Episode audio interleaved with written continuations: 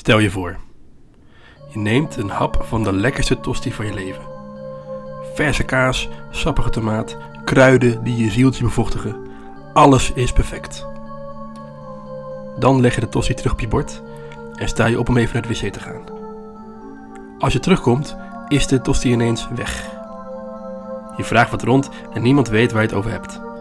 Niemand heeft jou die tosti zien eten. Sterker nog, het concept tosti bestaat helemaal niet. Dus alles wat je net hebt opgegeten, wat je hebt opgeknabbeld, dat is gewoon puur je fantasie. En dat laatste hapje tosti is een onbereikbaar stukje Fata Morgana. De horror. De absolute horror. Ja, welkom bij Roodkast. eh, Een podcast van striptekenaar illustrator Robin Barneveld. En daar ben ik. Hallo. Dit is mijn tweede aflevering waarin ik eh, gekke verhalen voorlees, vertel, perform, uitdraag.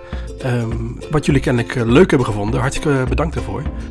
En deze tweede aflevering heeft dan meteen een thema, een horror thema. Want vorige week was het Halloween en een week later is het dan in mijn hoofd nog steeds Halloween.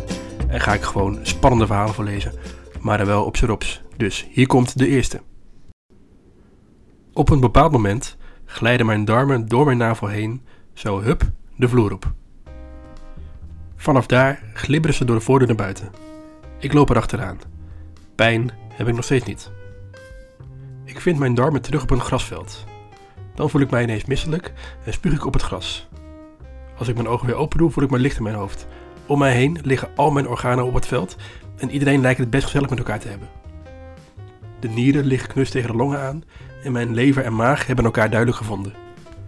Alleen mijn hart zit nog in mij, maar die klopt inmiddels zo ongeduldig dat hij het liefst door mijn borstkas naar buiten lijkt te willen springen. Ik ga er maar bij zitten. Blauwe lucht, een warm briesje. Een buurman loopt langs met zijn hond en steekt zijn hand op. Misschien moet ik zo een ambulance bellen, maar nu nog even niet. De zon schijnt.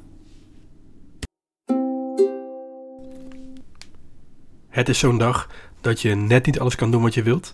En er staat er ook nog iedere vijf minuten een skelet voor de deur. Het huis was natuurlijk zo goedkoop, omdat het naast een begraafplaats ligt. Maar ik had niet gedacht dat de ondoden ons zo zouden storen. Net nog, een lijk dat een kopje suiker kwam lenen.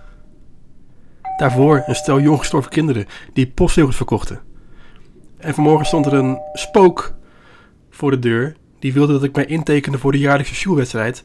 Of zoals het spook het zei, de sjoelwedstrijd. Het is natuurlijk allemaal goed bedoeld, maar wel vermoeiend. Soms doe ik alsof ik er niet ben, glip ik het huis uit en ga ik in een van de lege graven liggen. Oh, de rust. Tijdens de gruwelijk hoge val naar beneden landt er een vlinder op mijn schouder. De vlinder maakt het zich gemakkelijk, kijkt om zich heen en vraagt vervolgens wat er nou eigenlijk aan de hand is. Briesje, zonnetje, blauwe lucht, topdag. De bomen en de rivier komen steeds dichterbij en lijken onderling af te spreken hoe ze mijn lichaam het beste kunnen vermorzelen. De vlinder heeft er inmiddels een boekje bij gepakt met de titel Stress en hoe je ermee om kunt gaan.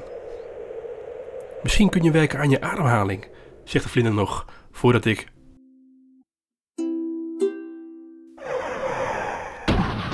Vlak na de botsing op de snelweg met de vrachtwagen achter mij vliegt mijn auto ineens verticaal de lucht in. Mijn auto lijkt helemaal geen zin te hebben in fysieke schade en gedoe met de verzekering. Dus ik klonk alleen een van de bumper en daarna zijn we ineens gewichtloos en zweven we ver boven de drukke auto's.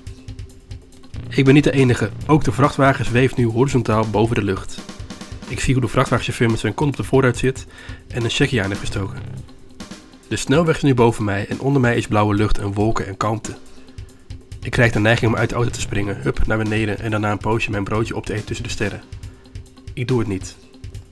Even later zweef ik langs een boom en trek ik mijzelf uit de auto door een tak vast te pakken. Ik ben inmiddels veilig thuis, mijn auto zweeft nog ergens. Zeg hem hallo als je hem ziet. Ik geloof achteraf dat mijn Tosti-verhaal het meest spannende verhaal was wat hier tussen zat. Ik hoop toch dat je ervan hebt genoten. Dit was mijn tweede podcast, Roodcast. Eh, een bundeling met vreemde verhalen. Eh, en ehm, nou ja, je kunt me volgen op Instagram onder @roodgras. Je kunt me volgen op Spotify ook. Of je volgt gewoon je eigen pad in het leven. Dat kan ook gewoon natuurlijk. Een hele fijne dag en tot de volgende keer. Joe!